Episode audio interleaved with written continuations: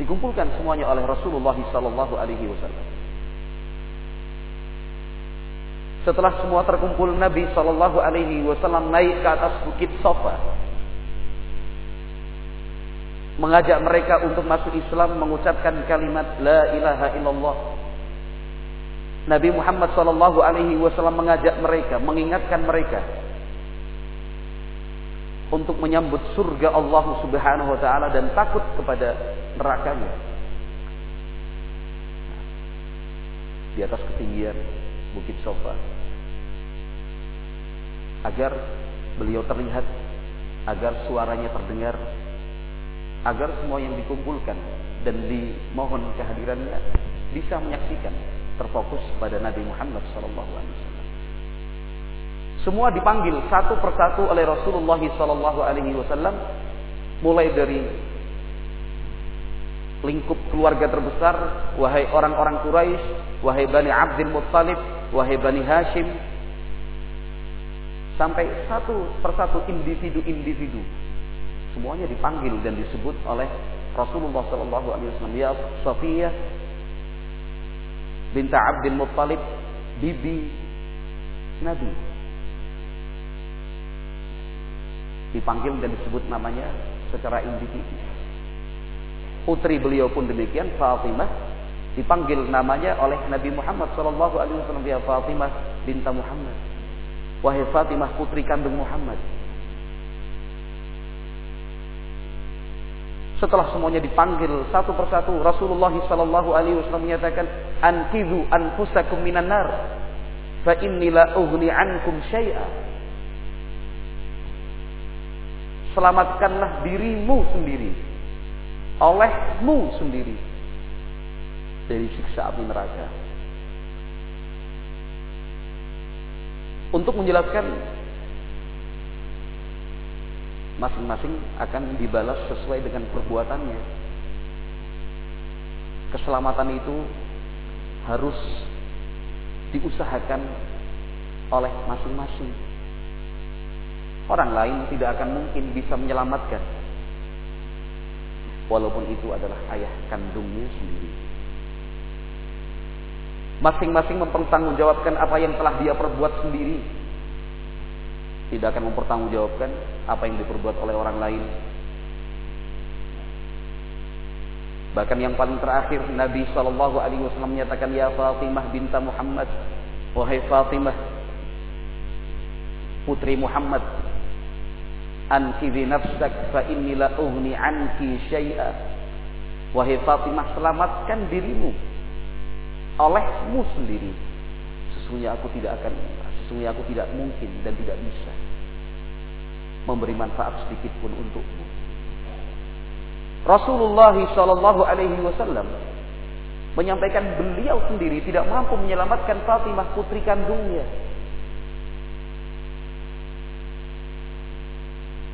hubungan yang dekat.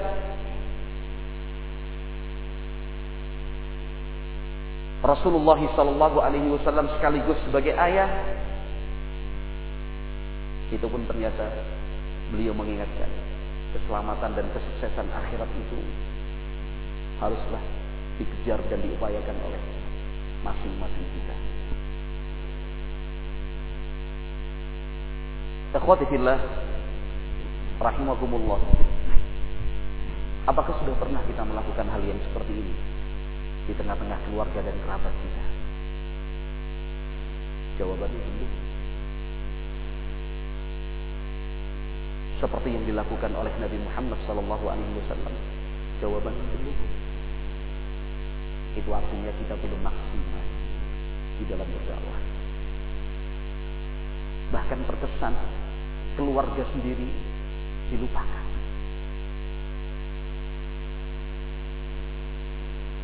Orang lain yang tidak ada hubungan darah dengan kita begitu besar perhatiannya untuk kemudian diajak, dikondisikan, dirayu, dibujuk, didekati. Tetapi ternyata keluarganya sendiri justru dilupakan. Jazakallah khairan, semoga Allah membalas Anda dengan berbagai kebaikan karena memiliki semangat berdakwah untuk mengajak orang lain mengenal Islam yang sesungguhnya mempelajari Al-Quran dan Sunnah Nabi Muhammad Sallallahu Alaihi Wasallam kembali kepada as-salafus saleh jazakallahu khairan. Tetapi kemudian hal itu jangan dijadikan alasan kita melupakan yang dekat dengan kita.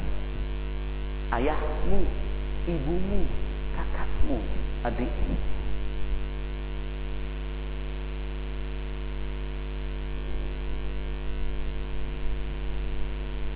Nabi Muhammad sallallahu alaihi wasallam. Pada awal-awal Islam berkeliling. Mendatangi tiap-tiap kabilah. Berkunjung dari satu kampung ke kampung yang lain. Di pusat-pusat keramaian.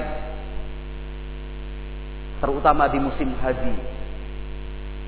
Beliau sallallahu alaihi wasallam tidak ingin melewatkan kesempatan itu. Beliau sampaikan qulu la ilaha illallah tuflihu. Ucapkanlah kalimat la ilaha illallah tentu dengan segala konsekuensinya. Ucapkan la ilaha illallah. Kalian pasti akan bahagia, sukses dunia dan akhirat. Beliau sallallahu alaihi wasallam tidak kenal lelah tidak ada istilah letih. Beliau sallallahu alaihi wasallam tidak merasakan capek. Walaupun capek itu betul-betul ada dan terasa. Tetapi beliau sallallahu alaihi wasallam mengajarkan untuk kita letih, lelah, capek adalah sebuah kenikmatan dan kelezatan apabila dijalani dan dilakukan dengan mengharap ridho dari Allah Subhanahu wa taala. Yang beliau lakukan dengan berjalan kaki di tengah terik matahari. Bukan hanya di kota Mekah, bahkan di luar kota Mekah. Kisah dakwah Nabi Muhammad SAW sampai ke negeri Taif adalah kisah yang sudah terlalu sering kita dengarkan. Kita baca dan kita simak. Tentunya kisah dan cerita seperti itu bukan hanya untuk dibaca, bukan hanya untuk didengar. Tetapi harus dijadikan sebagai satu motivasi dan sebuah inspirasi buat kita. Meniru, mencontoh, dan meneladani Rasulullah SAW.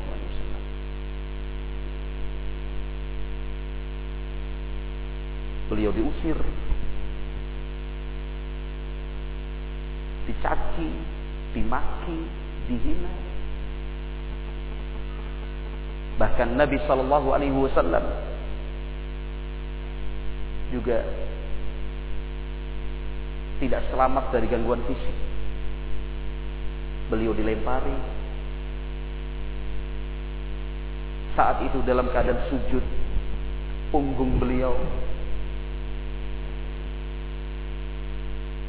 diberi kotoran binatang Sampai kemudian Fatimah yang datang membersihkan punggung beliau sallallahu alaihi wasallam.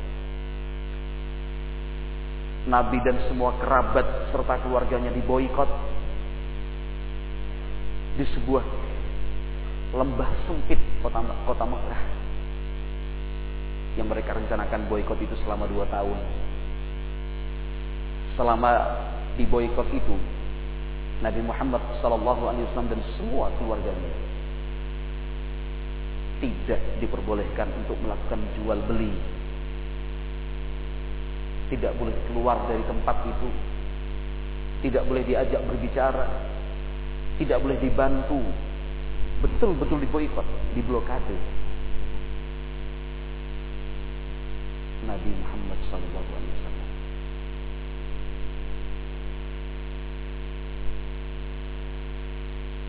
Ikhwati fillah rahimakumullah. Resiko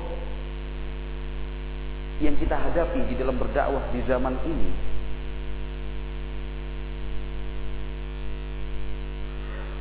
sudah pernah dirasakan dan dialami oleh Nabi Muhammad sallallahu alaihi wasallam. Bahkan sebagian besar kita resiko tersebut masih dalam batas bayangan dan kira-kira belum betul-betul terjadi. Sementara Rasulullah Sallallahu Alaihi Wasallam resiko itu sudah betul-betul terjadi Nabi alami. Diusir misalkan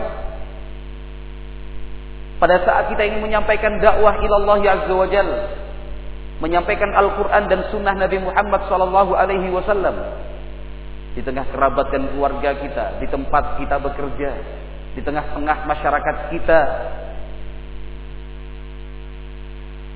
Kadang kita takut dengan resiko diusir.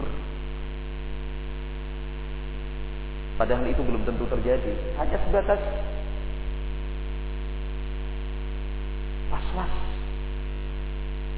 Kekhawatiran yang tidak berdasar dan tidak beralasan. Hanya sekedar was-was. Nanti kalau diusir. Nanti kalau diboykot.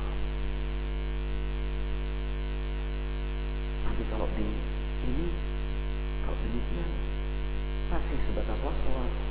Masih sebatas kekhawatiran.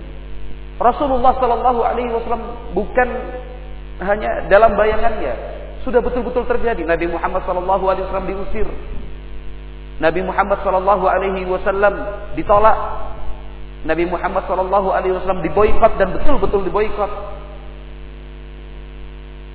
Namun itu bukan menjadi alasan dan halangan Nabi Muhammad Shallallahu Alaihi Wasallam untuk berhenti berdakwah.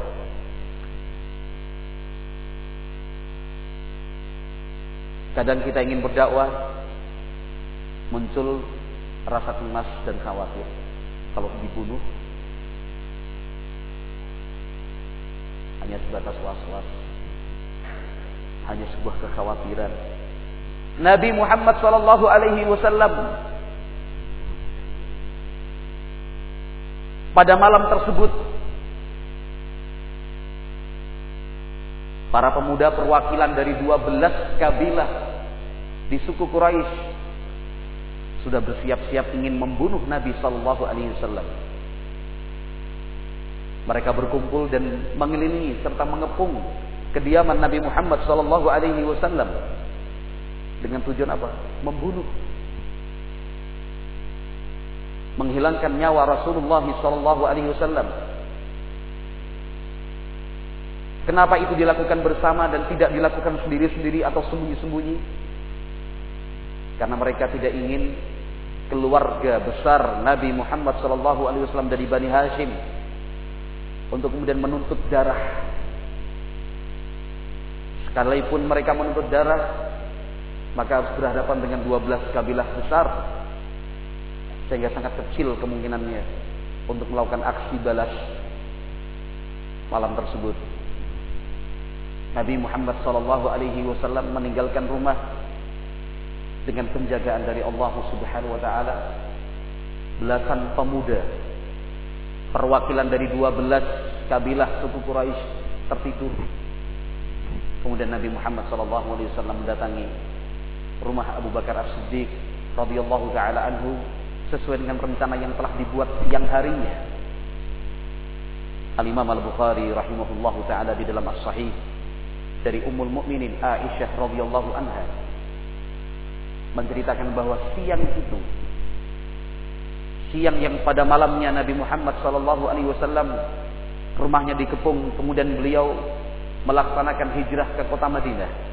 Siang itu di tengah terik matahari ini menurut kisah yang disebutkan oleh ibunda Aisyah radhiyallahu anha di dalam hadis yang diriwayatkan oleh Imam Al Bukhari rahimahullah di dalam As Sahih siang itu Nabi Muhammad di tengah terik matahari dengan menutup kepala terlihat diam-diam datang ke rumah Abu Bakar As-Siddiq radhiyallahu taala anhu wa kunna julusan. Pada waktu itu kami sekeluarga sedang duduk-duduk. Kemudian ada salah satu anggota keluarga dari Abu Bakar As-Siddiq radhiyallahu taala mengatakan, "Ha, Rasulullah." Oh, ini Rasulullah. Datang ke rumah kita bukan pada waktu yang biasa. Pasti ada satu hal yang sangat penting sekali. Ternyata Nabi Muhammad SAW sengaja datang di siang hari dalam keadaan terik matahari dan panas untuk menghindari pengawasan dan penglihatan dari orang-orang Quraisy. Sebab pada waktu waktu seperti itu jarang sekali orang kemudian keluar dari rumahnya. Panas, terik. Ternyata Nabi Muhammad SAW menyatakan kepada Abu Bakar Siddiq radhiyallahu taala anhu, "Udzina li fil hijrah." Wahai Abu Bakar, izin untuk berhijrah untukku telah turun dari Allah Subhanahu. Padahal beberapa hari sebelumnya, bahkan beberapa puluh hari sebelumnya, ketika Rasulullah Shallallahu Alaihi Wasallam memerintahkan para sahabat untuk berhijrah ke kota Madinah, Abu Bakar As-Siddiq radhiyallahu taala termasuk yang ingin melaksanakan hijrah dalam rombongan pertama. Tetapi oleh Nabi Shallallahu Alaihi Wasallam menyatakan ala rislik ya Abu Bakar. Jangan dulu wahai Abu Bakar. Ternyata Nabi Muhammad SAW meminta Abu Bakar bersabar karena beliau ingin berhijrah dengan ditemani oleh Abu Bakar As-Siddiq radhiyallahu taala.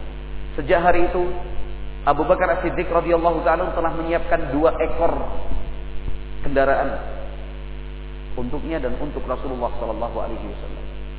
Beliau selalu siap selalu selalu siap apabila sewaktu-waktu Nabi Muhammad SAW datang memerintahkan berhijrah. Dan betul siang hari itu, ikhwati fillah rahimakumullah, Nabi Muhammad SAW datang untuk mengajarnya berhijrah. Beliau berdua sepakat untuk merencanakan agenda rute berhijrah, kapan waktunya, semua disusun dan direncanakan dengan rapi serta matang oleh Rasulullah SAW dan Abu Bakar As-Siddiq radhiyallahu taala. Sehingga perjalanan hijrah yang dilakukan oleh Nabi Shallallahu Alaihi Wasallam itu matang, bukan sebuah spontanitas, bukan asal melaku. Di tengah malam, bagian akhir malamnya, Nabi Shallallahu Alaihi Wasallam kemudian keluar meninggalkan rumah, meminta Ali bin Abi Thalib untuk tidur di atas ranjang beliau menggunakan selimut beliau sallallahu alaihi wasallam. Beliau datang ke rumah Abu Bakar As-Siddiq, kemudian keluar dari pintu belakang, lalu bersembunyi di gua Tawar.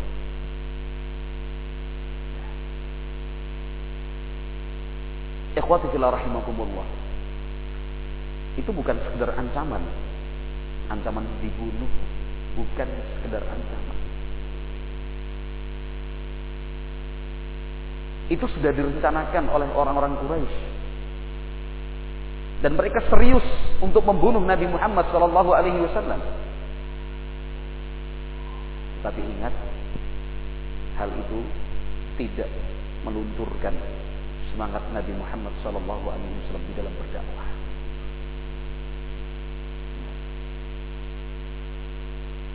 Maka kembali saya menyatakan dan menyampaikan kalau mau berterus terang di dalam menyebarluaskan dakwah sunnah, dakwah salafiyah, dakwah Al-Quran, dakwah manhaj salaf kita masih belum maksimal. Kita masih belum maksimal untuk melaksanakan firman Allah Azza wa Jal. Wajahidu bi amwalikum wa anfusikum fi sabilillah Berjuanglah kalian di jalan Allah dengan mengerahkan seluruh kekuatan yang ada di amwalikum wa anfusikum dengan harta yang kalian punya dengan jiwa dan raga. Kita masih belum maksimal. Apa yang sudah kita berikan untuk dakwah? Sebanyak apa pun kalau itu kita merasa sudah banyak. Kalau kita merasa sudah banyak. Tetapi sebanyak apa pun yang telah kita berikan selama ini masih kecil. Dan masih belum maksimal untuk melaksanakan firman Allah Azza wa Jal. Wajahidu bi amwalikum wa anfusikum fi sabilillah.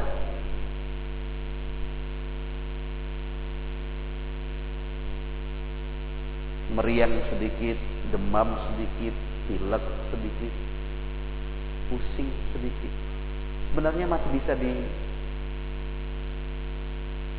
dianggap tidak ada. Sebenarnya masih bisa diabaikan. Tapi rupanya hal itu kita jadikan alasan untuk kemudian maaf saya tidak bisa. Maaf lain waktu. Maaf saya izin dulu.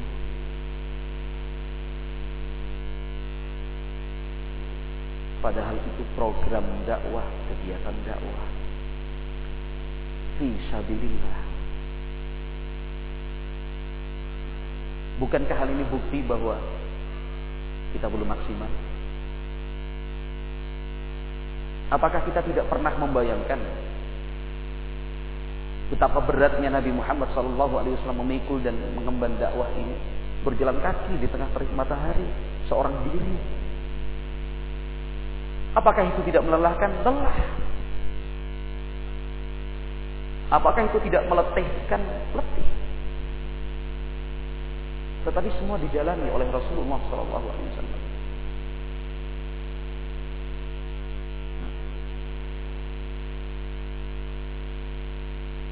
Wajahidu bi amwalikum wa anfusikum fi sabilillah. Kerja bakti. Gotong royong untuk kepentingan dakwah. Bersih-bersih, di lingkungan, ngecor bangunan, menurunkan atau memindahkan material untuk pembangunan yang sifatnya fisik dan memerlukan tenaga. Barakallahu fikum. Mohon maaf. Datang terlambat, pulangnya paling cepat. Itu pun waktu yang sudah kita gunakan yang sudah datangnya terlambat, pulangnya cepat. Ya. Dalam pekerjaan sedikit-sedikit istirahat.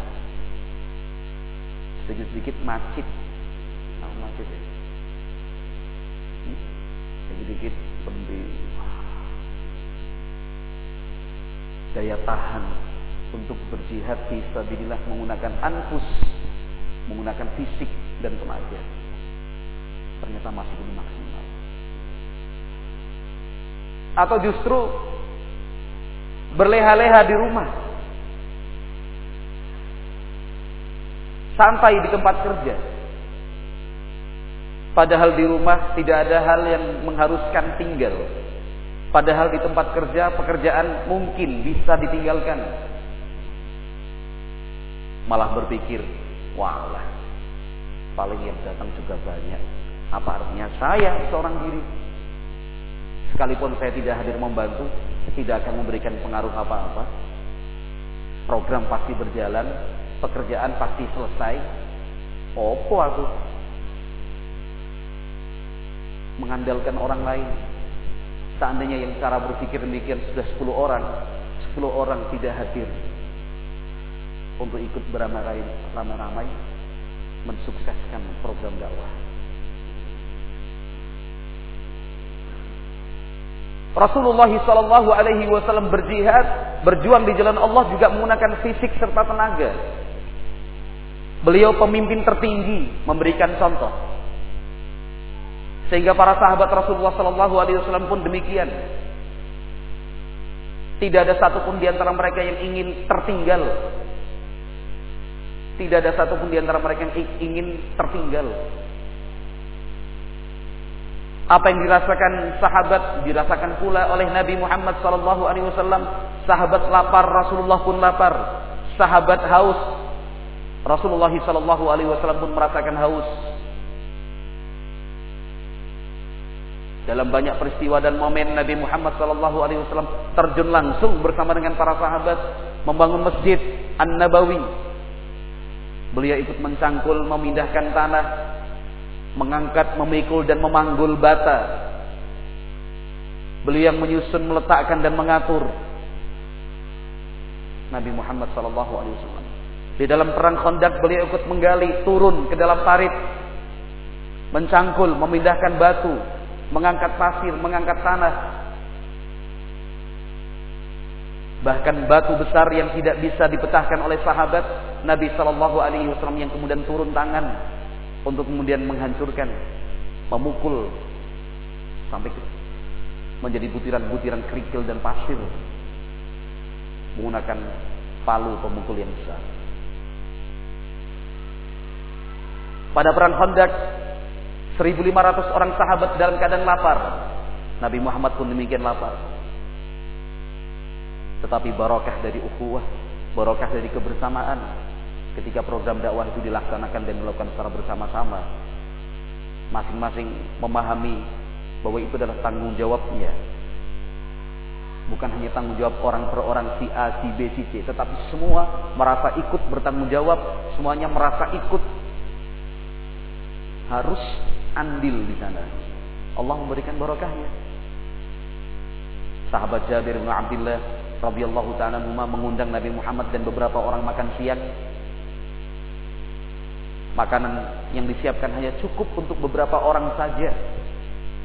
Tetapi Nabi Shallallahu Alaihi Wasallam justru memanggil, Ya ma'syaral muhajirin wal ansar.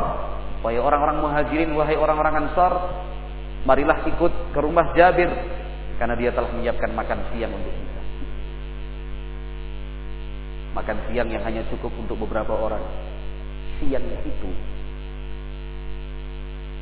membuat 1500 orang lebih kenyang. Bahkan ada yang tersisa. Itu Nabi Muhammad Shallallahu Alaihi Wasallam terjun langsung memberikan contoh untuk kita. Apa yang dimaksud dengan firman Allah? Wajahidu bi amwalikum wa anfusikum fi sabilillah. Berjuanglah di jalan Allah dengan tenaga fisik kalian juga harta. Maka sekali lagi kalau mau jujur, mau berterus terang, kita maksimal. Jangan merasa saya sudah menyumbang dengan harta. Jangan merasa saya sudah menyumbang dengan pikiran dan saran. Sehingga bagian membutuhkan tenaga dan fisik. Kita hanya berpangku tangan, kita hanya bersedekap, melihat, menunjuk, serta mengarahkan. Siapa kita bila dibandingkan dengan Rasulullah Wasallam? Rasulullah Sallallahu Alaihi pemimpin, manusia terbaik Ternyata beliau tidak mau diam, tidak ingin berpangku tangan, ikut terjun. Sallallahu alaihi wasallam. Justru karena Anda sudah merasa membantu dalam bentuk harta, materi. Sempurnakanlah untuk kemudian membantu dalam bentuk tenaga. Sempurnakan perjuangan di jalan Allah itu dengan tenaga. Bukan kemudian malah duduk-duduk. Yang lainnya ikut indahkan batu, berkeringat. Tersengat matahari, harus menggunakan penutup kepala, haus, ototnya keluar, badan mengeluarkan bau yang tidak sedap, kadang-kadang harus mengusap keringat, pakaiannya kotor, apakah kemudian kita hanya sekedar menyaksikan mereka? Lalu pakaian kita bersih, tangan kita bersih, hanya karena merasa sudah membantu dengan harta. Rasulullah Shallallahu Alaihi Wasallam turun tangan langsung bekerja membantu menggunakan fisik dan tenaga sallallahu alaihi wasallam.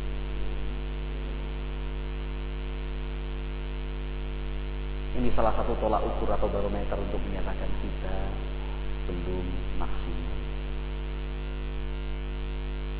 Bi amwalikum dengan harta kalian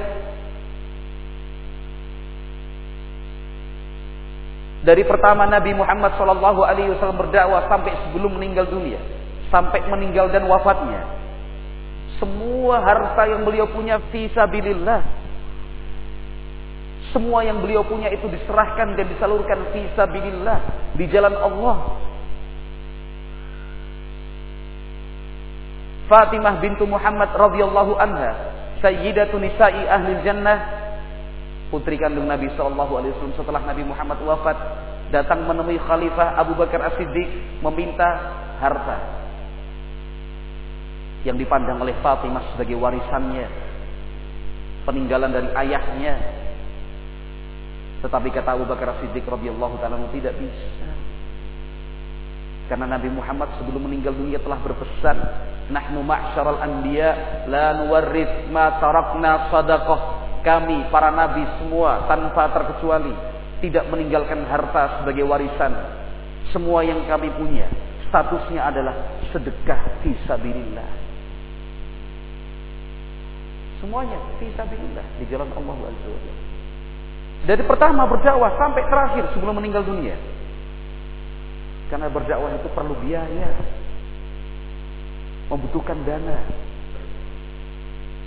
Dan ini adalah kesempatan berdakwah secara maksimal. Biaya, dana, kita yang membantu, kita yang menutupi. Dan ingat, bidang berdakwah di amwalikum dengan harta itu bukan hanya milik orang-orang kaya. Bukan hanya milik orang-orang yang punya harta. Harta melimpah, harta yang bertumpuk. Kalau Anda merasa hanya bisa membantu dengan tenaga dan tidak bisa membantu dengan harta, mohon diluruskan. Bantulah, berdakwahlah fisabilillah dengan tenaga juga dengan harta. Dua hal yang tidak bisa dipisahkan.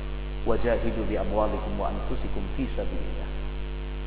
Hanya saja besaran bilangan yang kita berikan berbeda-beda sesuai dengan batas kemampuan kita.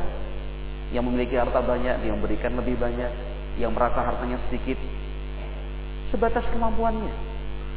Sebagaimana yang dilakukan oleh para sahabat Rasulullah Sallallahu Alaihi Wasallam dan Nabi telah memberikan contoh sejak pertama kali berdakwah sampai meninggal dunia harta yang beliau punya diserahkan fisabilillah semua para sahabat meminta diberi oleh Nabi Sallallahu Alaihi Wasallam semuanya demi keperluan dakwah Sekali lagi dakwah itu memerlukan pembiayaan, membutuhkan pendanaan.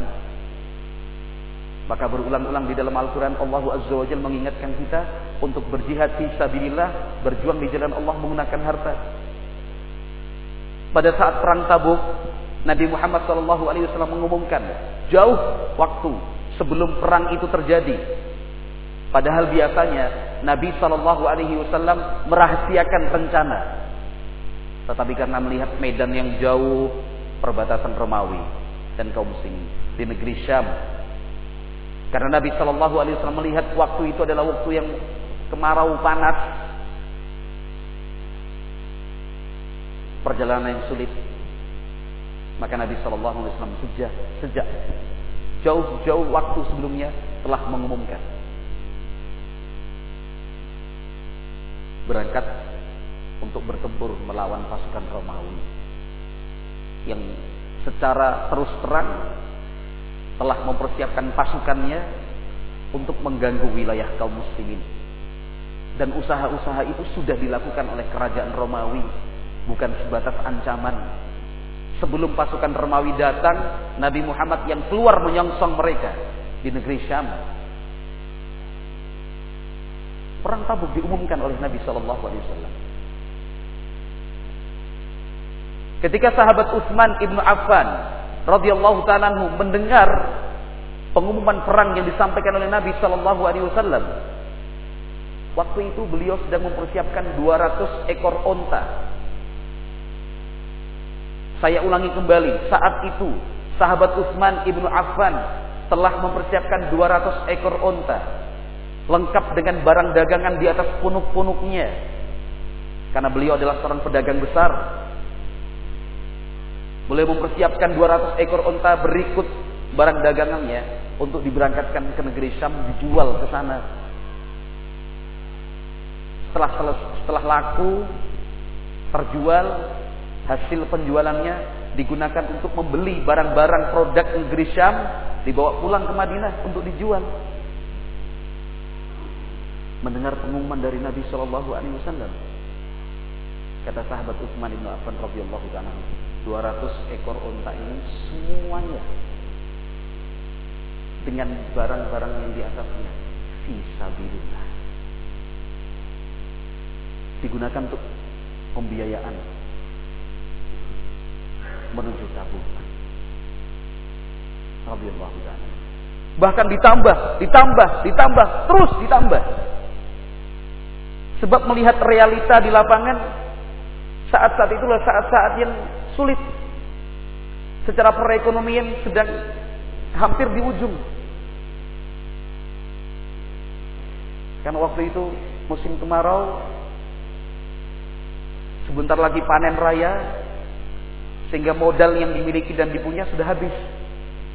Maklumlah, kalau kita bisa membayangkan para petani yang katakan tiga bulan dari pembibitan sampai kemudian panen, menjelang panen sudah nggak punya punyanya uang. Kenapa? Uang itu sudah digunakan untuk habis garap tanah, beli bibit, beli pupuk, sudah habis, hampir panen habis.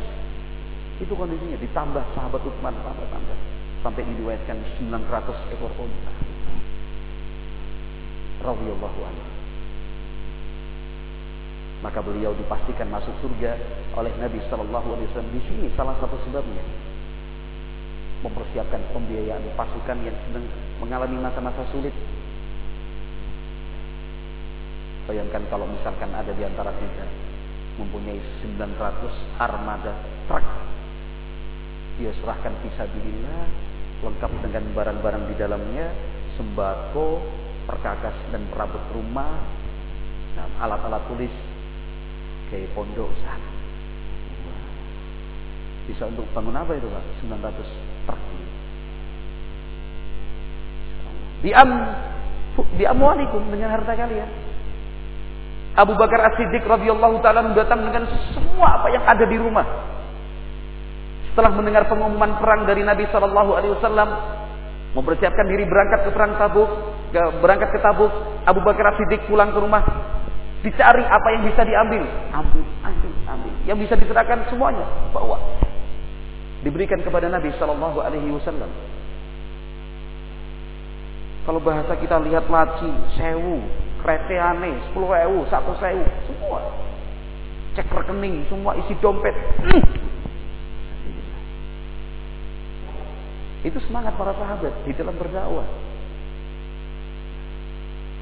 Tidak iman, tidak ingin. Wa ma tunfiqu min syai'in fahuwa yukhlifu. Allah Azza wa telah berjanji dalam firman-Nya, "Wa ma tunfiqu min syai'in fahuwa yukhlifu." Apa pun yang kalian berikan, yang kalian salurkan fisabilillah, Allah akan ganti. Dan ingat, ganti yang diberikan dan dijanjikan Allah Azza wa tidak selalu dalam bentuk materi, tidak selalu dalam bentuk harta yang kemudian Allah lipat gandakan. Bisa saja ganti yang Allah berikan itu justru dalam bentuk pahala yang dipersiapkan untuk kita di hari kiamat nanti. Bisa saja ganti yang lebih baik yang dijanjikan Allah Azza wa itu dalam bentuk kita diselamatkan dari siksa api neraka. Umar bin Khattab radhiyallahu taala radhiyallahu taala datang dengan membawa separuh harta itu Umar separuh harta. Nah sampeyan separuh harta tidak pernah. Sampai kemudian Umar mengatakan nggak bisa ngalahkan Abu Bakar Siddiq ini. Abdurrahman bin Auf datang, Muhammad bin Maslamah datang, semuanya datang. Ada sebagian sahabat datang membawa sekian puluh keranjang kurma. Karena perjalanan ini jauh berbulan sehingga membutuhkan bekal makanan kurma bawa. Dan ada sahabat yang datang hanya dengan membawa segenggam kurma. Kenapa? Karena para sahabat tidak ingin melewatkan kesempatan berdakwah fi sabilillah dalam bentuk harta. Walaupun yang di bawahnya segenggam kurma. Kalau dalam bahasa kita ada yang mampu membantu dalam nilai jutaan, ada yang mampu dalam bentuk ratusan ribu, ada yang bisa membantu dalam bentuk puluhan ribu sekalipun tidak bisa dalam bentuk puluhan ribu mungkin dalam pecahan ribuan lima ribu dua ribu seribu rupiah. Kalau memang kemampuan kita hanya sebatas seribu rupiah apa kemudian alasan kita untuk tidak melakukannya mampunya hanya seribu. Karena yakinlah bahwa panitia atau pihak-pihak yang terkait dengan biaya dan dana tidak akan siapa iki sewu iki? Sing liyane satu sewu ki sewu letek lagi ana sing suwe ini dan memang mampunya seribu. Tapi ya apa? Iya mampunya seribu di zaman sekarang. Kayak itu puluh saya satu sewu pak. Mau untuk membangun masjid, membangun pondok, segala macam sewu. Tapi seandainya pun cuma seribu rupiah, apakah salah? Karena itu sebatas kemampuan kita. Para sahabat yang bergegas menyambut seruan Nabi untuk melaksanakan perintahnya, mempersiapkan diri, kemudian membantu dalam bentuk dana, bahan makanan, logistik dan seterusnya. Nah, itu kan mereka para sahabat melakukannya dengan ikhlas dengan sepenuh hati sebatas kemampuan masing-masing. Lah orang-orang munafikin mereka sebatas komentator, pengamat dari luar. Sedikit pun tidak ikut andil. Kalau mereka menyaksikan ada sahabat datang dengan membawa bantuan biaya atau harta dalam jumlah yang besar, kata orang-orang munafikin, eh, orang ria cuma pengen dilihat, disandung dan dipuji. Apabila yang datang adalah sahabat dengan membawa bantuan dalam pandangan mereka kecil dan sedikit segenggam kurma kata orang-orang munafikin orang ini kok pelit ditanggung pikir bahin ini pandangan orang-orang munafikin. Sementara para sahabat Rasulullah Sallallahu Alaihi Wasallam ketika mereka datang menemui Nabi Sallallahu Alaihi Wasallam itu dengan sepenuh hati ini batas kemampuan kami. Dari yang seperti sahabat Utsman 900 ekor unta lengkap dengan barang di atasnya sampai sahabat yang datang hanya dengan membawa segenggam kurma. Itu semua bagian dari apa? Wajah itu di amwalikum wa anfusikum yang saya sampaikan dari awal sampai yang terakhir tadi itu hanya sebagian kecil dari contoh yang sudah diteladankan oleh Nabi Shallallahu Alaihi Wasallam dan para sahabat. Sekarang coba kalau misalkan kita mau jujur dan introspeksi diri, sekali lagi seperti yang saya katakan sebagai pembukaan di depan tadi, kalau seandainya kita mau berterus terang, kita masih belum maksimal. Kita masih belum maksimal di dalam berperan dan ikut andil untuk menyebarluaskan dakwah ahli sunnah dakwah salafiyah. Masih terlalu banyak pertimbangan ini, pertimbangan itu. Kita masih belum bisa untuk menghilangkan pikir dan bakhil dari sifat dan karakter kita untuk ikut menyumbang tenaga, menyumbang fisik, waktu dan harta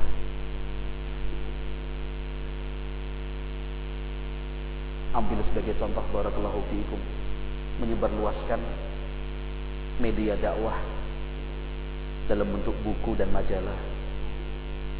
Kita masih berhitung jelimet hanya untuk membeli satu, dua, tiga.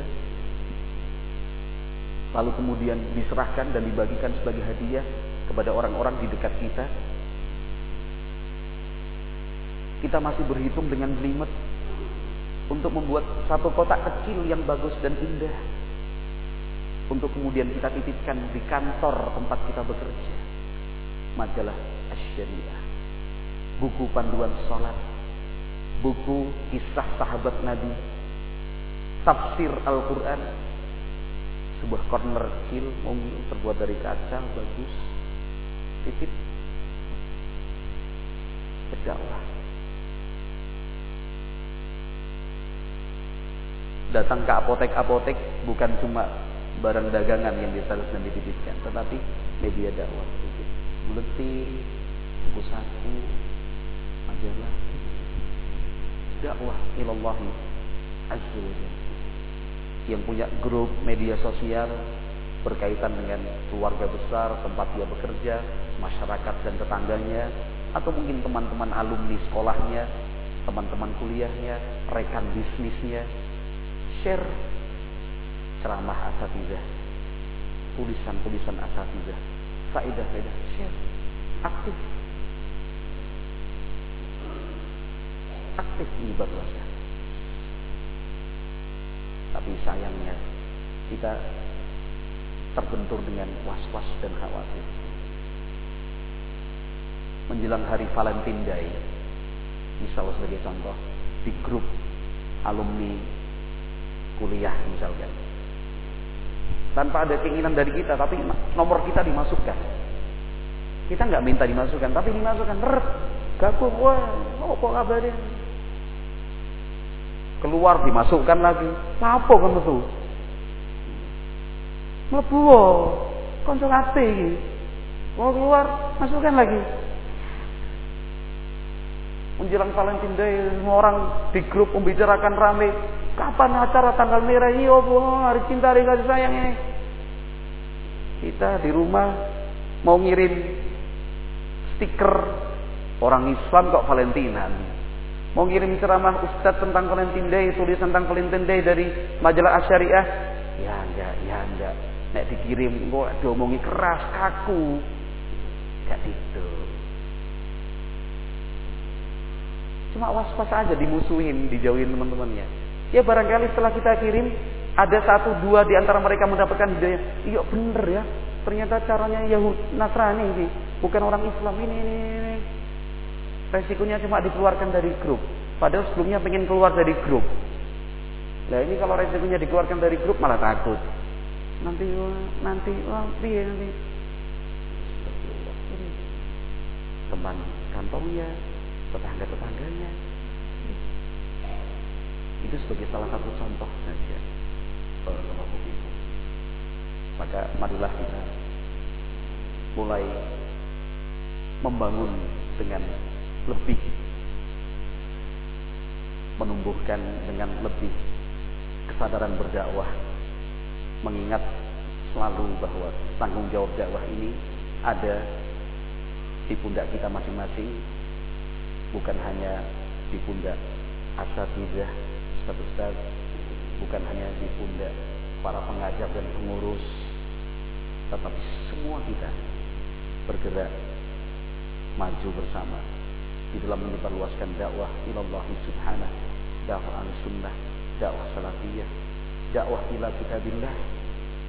Nah, tentunya dengan sebuah catatan yang tidak boleh kemudian kita lupakan dengan catatan. Semua cara yang kita lakukan harus dalam koridor hikmah harus dengan bijak. Maka selalulah berkonsultasi bertanya kepada asatidah Ustaz kalau begini apakah termasuk hikmah Ustaz kalau saya melakukan begini? Yang akan saya lakukan ini rencana demikian apakah bijak? Mohon bimbingan mohon arahan. Sehingga jangan sampai semangat kita berdakwah justru kemudian menjadi bumerang. Tapi terus berusaha bertanya, bertanya, berkonsultasi dan seterusnya. Mudah-mudahan Allah Azza memilih kita termasuk hamba-hambanya yang bisa melaksanakan perintahnya wajahidu bi amwalikum wa anfusikum fi sabilillah berdakwahlah berjuanglah di jalan Allah dengan menggunakan jiwa dan harta milik kalian Wallahu a'lam bishawab. Mudah-mudahan Allah Subhanahu wa taala memberikan berkahnya untuk kita dan semoga Allah senantiasa memudahkan kita untuk istiqomah sampai akhir hayat kita. Subhanakallahumma wa bihamdik asyhadu an la ilaha illa anta astaghfiruka wa atubu ilaik. Wassalamualaikum warahmatullahi wabarakatuh.